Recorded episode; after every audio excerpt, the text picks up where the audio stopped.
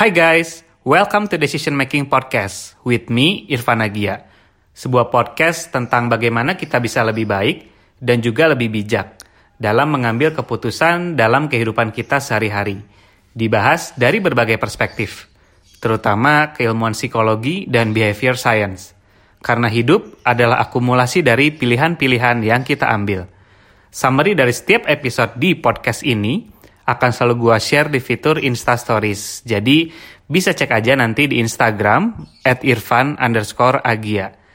Oke, di episode ke-43 ini kita bakal bahas topik mengenai fame and popularity. Jadi mungkin teman-teman sering dengar orang-orang yang populer, orang-orang yang famous, nggak cuma orang, tapi juga merek-merek gitu ya. Merek yang mungkin viral, populer gitu ya. Tapi apa sih sebetulnya arti dari popularity itu sendiri dan kenapa itu jadinya di pursue semua orang bahkan setiap brand gitu ya semua orang itu punya kecenderungan keinginan untuk banyak dikenal orang gitu ya karena itu bisa memberikan advantage baik itu untuk hidup dia ataupun untuk karir dia namun apakah popularity ini sebetulnya punya advantage-nya aja, gak ada disadvantage-nya. Apa sih resiko-resiko yang akan dihadapi oleh seseorang kalau dia terlalu uh, pursuing popularity gitu ya. Jadi kita akan banyak bahas di episode kali ini topik mengenai popularity. Jadi apa sih sebetulnya popularity itu sendiri? Jadi gampangnya adalah definisi singkatnya ketika kita kita atau seseorang itu banyak dikenal oleh orang gitu ya. Jadi widely known. Nah, kalau bedanya sama viral tuh apa? Kalau viral, kalau gue lihat gitu ya, mungkin perbedaannya lebih kepada kalau viral sifatnya lebih short term. Jadi betul-betul kontekstual. Apa sih yang viral saat itu? Dan biasanya tuh nggak long lasting gitu ya. Sedangkan orang yang populer itu dia memang sudah widely known gitu ya. Jadi nggak hanya sifatnya tuh short term kayak viral kan viral kan cuma beberapa minggu atau beberapa hari doang gitu ya. Tapi ketika dia memaintain virality itu gitu ya dia tetap bisa konsisten dan dia akan menjadi widely known, widely accepted, widely heard itu jadi populer gitu ya. Nah, kenapa sih menjadi penting untuk kita mempelajari tentang popularity ini sendiri? Jadi ceritanya gue dulu sempat ikutan online course judulnya The Psychology of Popularity gitu ya. Dan itu juga pembahasan topik kali ini akan banyak bersumber dari online course gue kemarin dan juga buku yang sempat gue baca dari namanya Mitch Prinstein. Dia itu adalah profesor uh, psychology di University of North Carolina. Dan dia punya buku judulnya Popular The Power of Likability in a Status Obsessed World gitu. Jadi gue bakal sharing banyak hal dari buku tersebut yang menurut gue itu excited untuk uh, di share ya. Karena penting untuk kita ketahui bersama dan juga biar kita bisa tahu nih jenis popularity yang seperti apa sih yang bagus gitu ya dan yang tidak destruktif gitu ya. Karena sebetulnya popularity itu tuh ada dua jenis yang nanti akan kita bahas. Jadi dari online course kemarin itu gue belajar bahwa ketika kita umur uh, 14 lah ya, umur-umur adolescence, umur muda gitu ya. Kita mencari makna, kita mencari makna tentang siapa sih diri kita gitu ya, how we fit in in the society gitu ya, how the world works gitu ya dan pemahaman kita dan pengalaman kita selama umur-umur awal gitu ya, masa-masa mungkin SMP, SMA itu akan sangat berpengaruh terhadap bagaimana kita berperilaku, bagaimana kita memiliki mindset bahkan ketika sudah umur 30-an ke atas gitu ya dari buku tersebut. Jadi sebetulnya kita ini secara biologis gitu ya waktu kita muda itu tuh kita diprogram untuk care about what other people thinks of us gitu ya like it or not kita biologically program untuk me melihat dan juga mendengar dan mempertimbangkan sekali apa sih yang dikatakan oleh orang terhadap kita gitu ya nah popularity ini sendiri itu sebetulnya jadi salah satu aspek yang sangat berpengaruh dalam proses perkembangan kita gitu ya ketika di usia muda. Jadi uh, walaupun sebetulnya kita secara biologis dan secara psikologis itu tuh hardwired untuk mencari popularity gitu ya, baik itu secara langsung atau tidak, itu nggak selalu healthy buat kita semua. Jadi apa aja sih faktor-faktor yang bisa membuat seseorang itu dikatakan populer gitu ya, baik itu ketika childhood ataupun adulthood. Jadi waktu kecil, waktu kita childhood itu karakteristik seperti pinter gitu ya nilainya tuh bagus getting good grades terus ngikutin rules gitu ya, uh, patuh sama aturan sekolah gitu ya, working hard, being helpful. Itu tuh bakal jadi bikin kita tuh populer di kalangan guru gitu ya. Karena kan ngerjain PR tepat waktu terus eh, nggak uh, pernah telat gitu ya. Nggak pernah disetrap. Tapi kadang-kadang traits-traits ini tuh nggak selamanya bisa uh, ditranslate secara sama kepada peers kita atau teman-teman kita gitu ya. Di mana uh, peers kita atau teman-teman kita waktu kecil itu dia lebih placing more value on looks gitu ya. Confidence terus outspoken dia bisa berbicara uh, di depan banyak orang gitu ya. Terus apa yang dia punya possession terus dia pakai baju apa gitu kan. Terus misalnya dia aktif berolahraga gitu ya ikut di klub-klub olahraga dan dia tuh sosialnya bagus. Nah ketika kita masuk fase adulthood gitu ya udah udah dewasa kita juga placing value more on pertama untuk popularity itu orang-orang yang uh, physical attractiveness-nya tinggi gitu ya terus orang yang intelligence, orang yang punya problem solving skill, uh, wealth gitu ya, orang yang uh, tajir misalnya bisa jadi populer, inspiring, dan gak kalah juga yang satu lagi itu adalah yang kontroversial gitu ya. Jadi orang-orang yang penuh kontroversi gitu ya, beritanya di mana-mana itu juga bisa dikategorisasikan sebagai populer. Tapi populer tuh sebetulnya ada dua tipe nih uh, teman-teman yang dengar. Jadi uh, ada dua tipe popularity yang ditemukan dari berbagai riset yang dilakukan oleh si Mitch Princeton ini. Jadi sebetulnya ada dua tipe popularity. Yang pertama itu namanya social preference atau likability gitu ya. Yang kedua itu status atau social reputation. Jadi ada dua, ada likability, ada status. Nah, ketika kita kecil, umur-umur SMP, SMA, childhood gitu ya, popularity kita tuh didefine uh, by how much we are liked by others gitu ya. Sorry, ini berarti di umur uh, TK gitu ya, TK atau SD. Kita tuh dianggap populer ketika kita tuh dilihat dari likability. Kita banyak disukai oleh orang gitu. Jadi the most popular kids waktu kita TK atau SD adalah orang-orang yang uh, mau membantu gitu ya, help others and cooperate, terus yang bisa leading gitu ya, terus yang outspoken, yang pintar gitu ya. Nah, ini adalah tipe popularity yang kita kategorisasikan sebagai likability ya. Jadi disukai social preference. Nah, ketika kita misalnya sudah masuk ke adolescence gitu ya, ke umur-umur SMP, SMA gitu ya. However, itu kita mengalami perubahan. Kita mengalami perubahan secara biologis gitu ya, terutama dalam hormon karena kita udah mulai masuk fase puber gitu ya pubertal hormones. Jadi ini adalah periode di mana popularity itu mulai bertransisi gitu ya dari yang likability tadi menjadi status gitu. Nah, status ini tuh berbedanya adalah dia tidak diukur berdasarkan seberapa disukainya orang tersebut gitu ya. Doesn't measure by how well a person is liked. Rather, it reflects on person visibility, dominance, and influence. Jadi yang lebih dilihat dari status itu adalah orang itu punya high visibility gitu ya, sering dilihat oleh orang, terus dia tuh dominan gitu ya, dan dia tuh punya influence di dalam grup. Nah, itu baik itu secara positif ataupun secara negatif. Jadi, secara biologis ketika kita adolescence, umur-umur eh, SMA lah ya, SMP SMA, something happens in our brains. Jadi, ada neurochemical uh, fusion gitu ya, cocktail of oxytocin sama dopamin. Nah, apa sih fungsi dari hormon oxytocin sama dopamin ini sendiri? Jadi oxytocin ini biasanya di, uh, disebut love hormone ya. Jadi dia ini me meningkatkan kebutuhan untuk connect and bond with others. Jadi ini seperti social uh, influence gitu ya. Dan yang kedua adalah dopamin. Dopamin ini adalah pleasure gitu ya. Dia ini yang mengarahkan otak gitu ya sebagai pleasure center dan biasanya highly associated dengan orang-orang yang ngerasain drugs gitu ya, addic addiction, addicted. Itu biasanya di dopamin. Jadi as a result, perpaduan antara oksitosin sama dopamin ini sendiri ini membuat anak-anak di usia uh, adolescence gitu ya, SMP sampai SMA itu dia punya become almost addicted to any type of attention dari peers mereka dari sekitar mereka. That's why uh, ini adalah umur-umur di mana orang-orang itu mulai care terhadap apa sih yang orang lain katakan kepada dia, apa yang orang lain lihat dengan dia, saya pengen terlihat seperti apa, saya pengen fit in dengan dengan peers atau grup apa gitu. Jadi ini memang secara biologis umur SMP SMA itu adalah masa-masanya kita mencari attention gitu ya, baik secara langsung ataupun tidak langsung.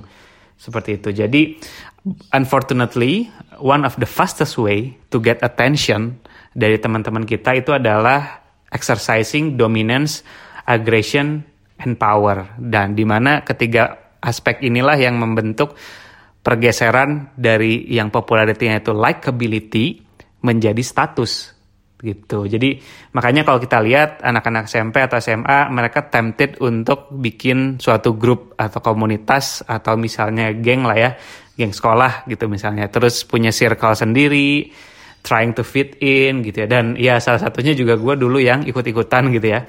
Gabung ke geng SMP, geng SMA, geng sekolah gitu ya. Jadi secara tidak langsung itu memang dorongan dari biologis gitu ya untuk uh, forming uh, status gitu ya. Forming uh, identity for me gitu ya. Untuk bisa fit in dengan orang-orang yang uh, menurut gue dulu itu bisa uh, fit dengan gue gitu ya. Terus punya influence uh, dominance dan sebagainya sebagainya gitu. Jadi anak-anak ini tuh pengen punya status. Kayak contohnya misalnya oh dia itu dari anak geng A misalnya yang suka nongkrong di sini dan lain-lain gitu. Mungkin teman-teman juga yang dengar dulu relate gitu ya.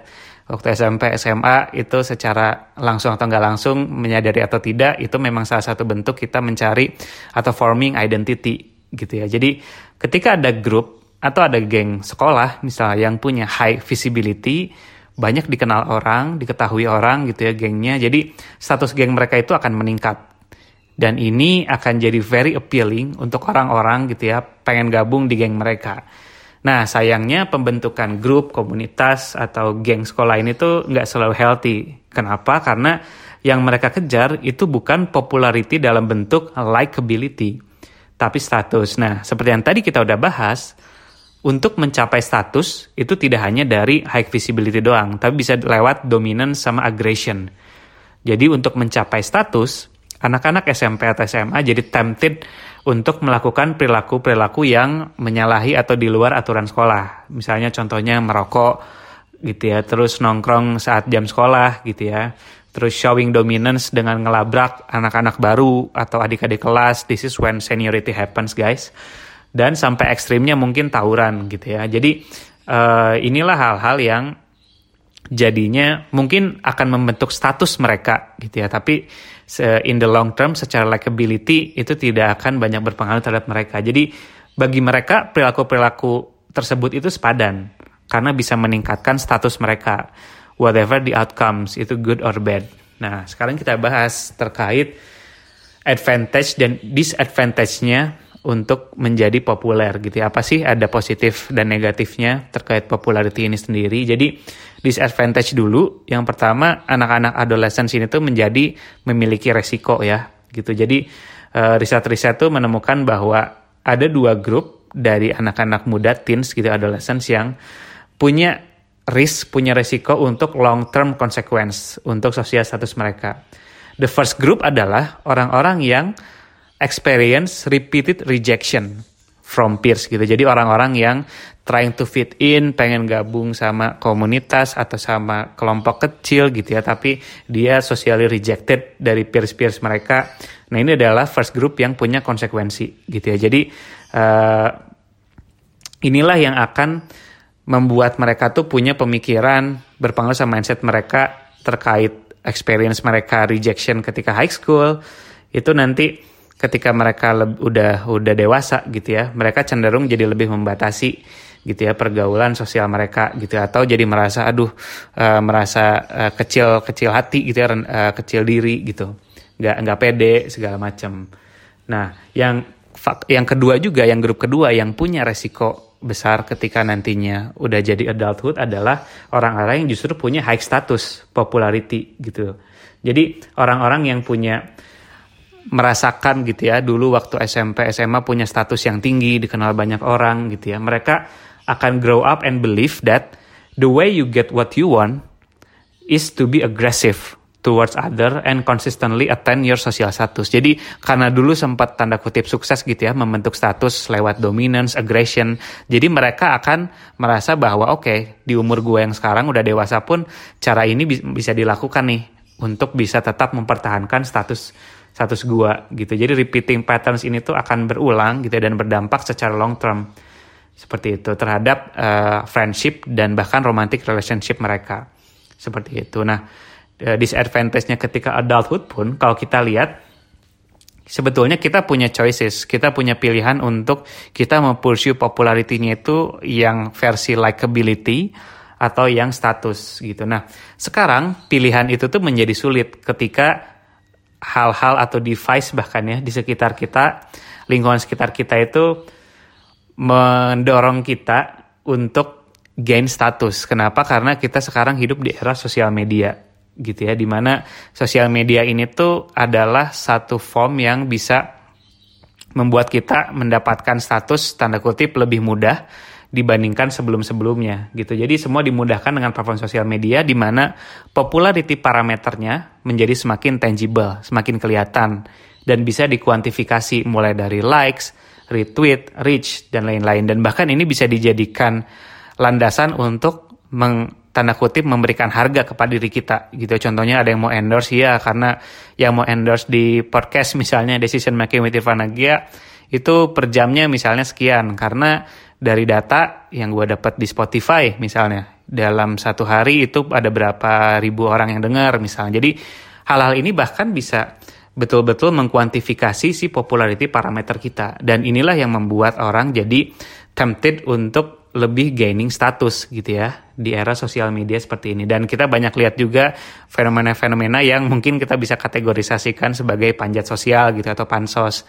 Orang yang punya follower lebih tinggi gitu ya. Jadi orang-orang tempted untuk bisa tanda kutip berbagi popularitinya dengan membuat mereka itu ngasih attention ke kita mungkin dengan cara-cara yang uh, tanda kutip panjat kita kategorisasikan sebagai panjat sosial gitu ya, bikin kontroversi hal yang gak penting gitu ya, komen-komen biar di notice gitu ya untuk orang-orang yang punya high popularity dan semacamnya gitu. Nah, advantage-nya apa nih untuk kita bisa jadi pop populer itu ada advantage-nya enggak? Of course, ada banget gitu ya.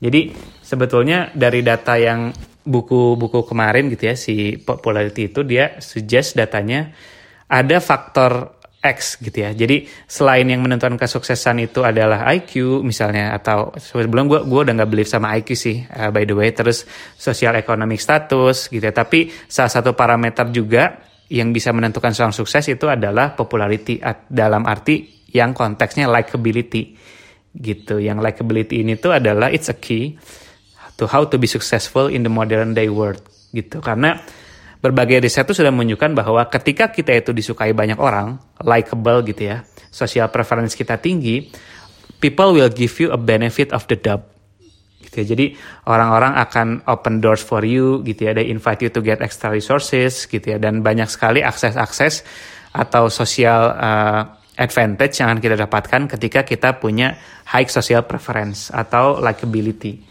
gitu. Nah ini adalah sesuatu yang harus kita invest ya gitu. Jadi uh, likability ini sifatnya lebih seperti dari sisi transaksional model gitu ya. Jadi ketika kita engage in a likable behavior, perilaku-perilaku yang membuat kita likable, kayak contohnya being attentive to others, needs, terus misalnya making others feel welcome, respect each other, being kind gitu ya, leading by example itu our social preference will rise gitu dan ketika kita semakin engage in a more positive interaction with others, it will lead us to a higher social preference dan itu akan terus berulang seperti itu. Nah, nah in the end bagaimana sih kita harus menyikapi si popularity ini sendiri? Jadi di masa sekarang yang harus kita betul-betul perhatikan itu adalah sosial media gitu. Jadi sosial media ini adalah platform yang bisa feeding kita, feeding our desire untuk attention gitu ya, likes, followers, retweets itu provide measurable data terhadap sosial status seseorang gitu. Nah sekarang ini kita kalau gue lihat menjadi semacam status seeking uh, society gitu ya di era sosial media ini.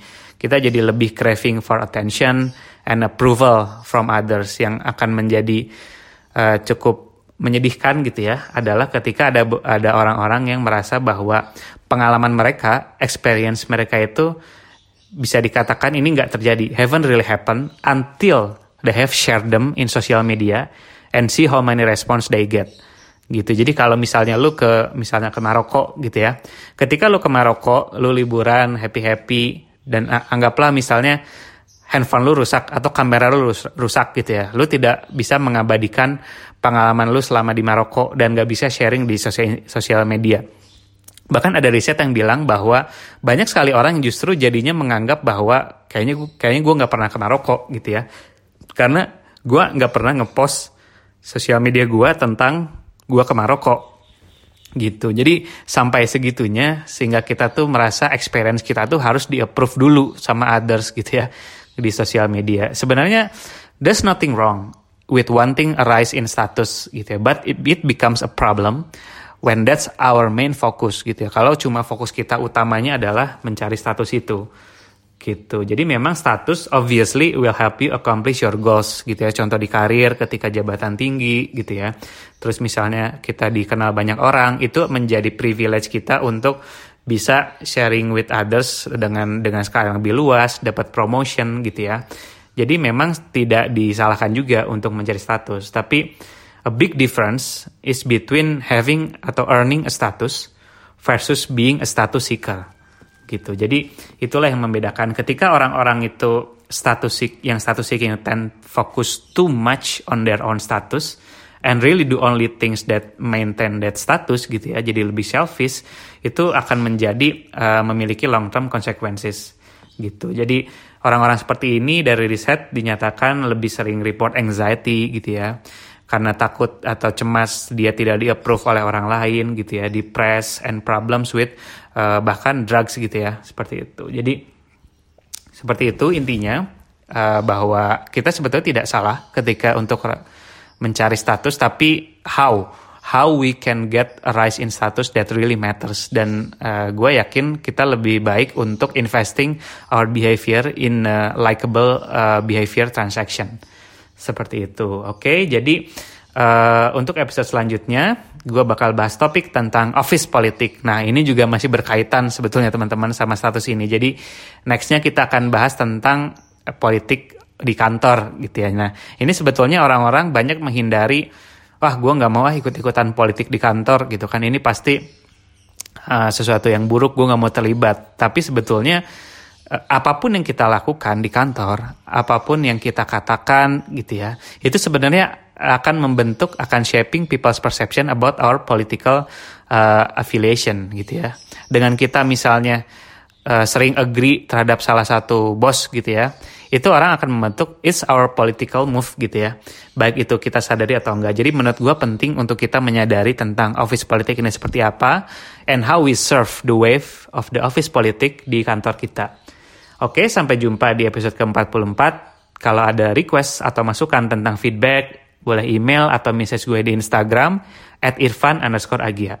Kalau teman-teman merasa topik-topik di podcast ini berguna atau memberi wawasan baru, please share it to others. Sehingga teman-teman bisa bagikan link konten podcast ini di Instagram atau di sosial media lainnya. So, sharing is caring. Thank you for listening and see you in the next two weeks. Bye. Thank you guys.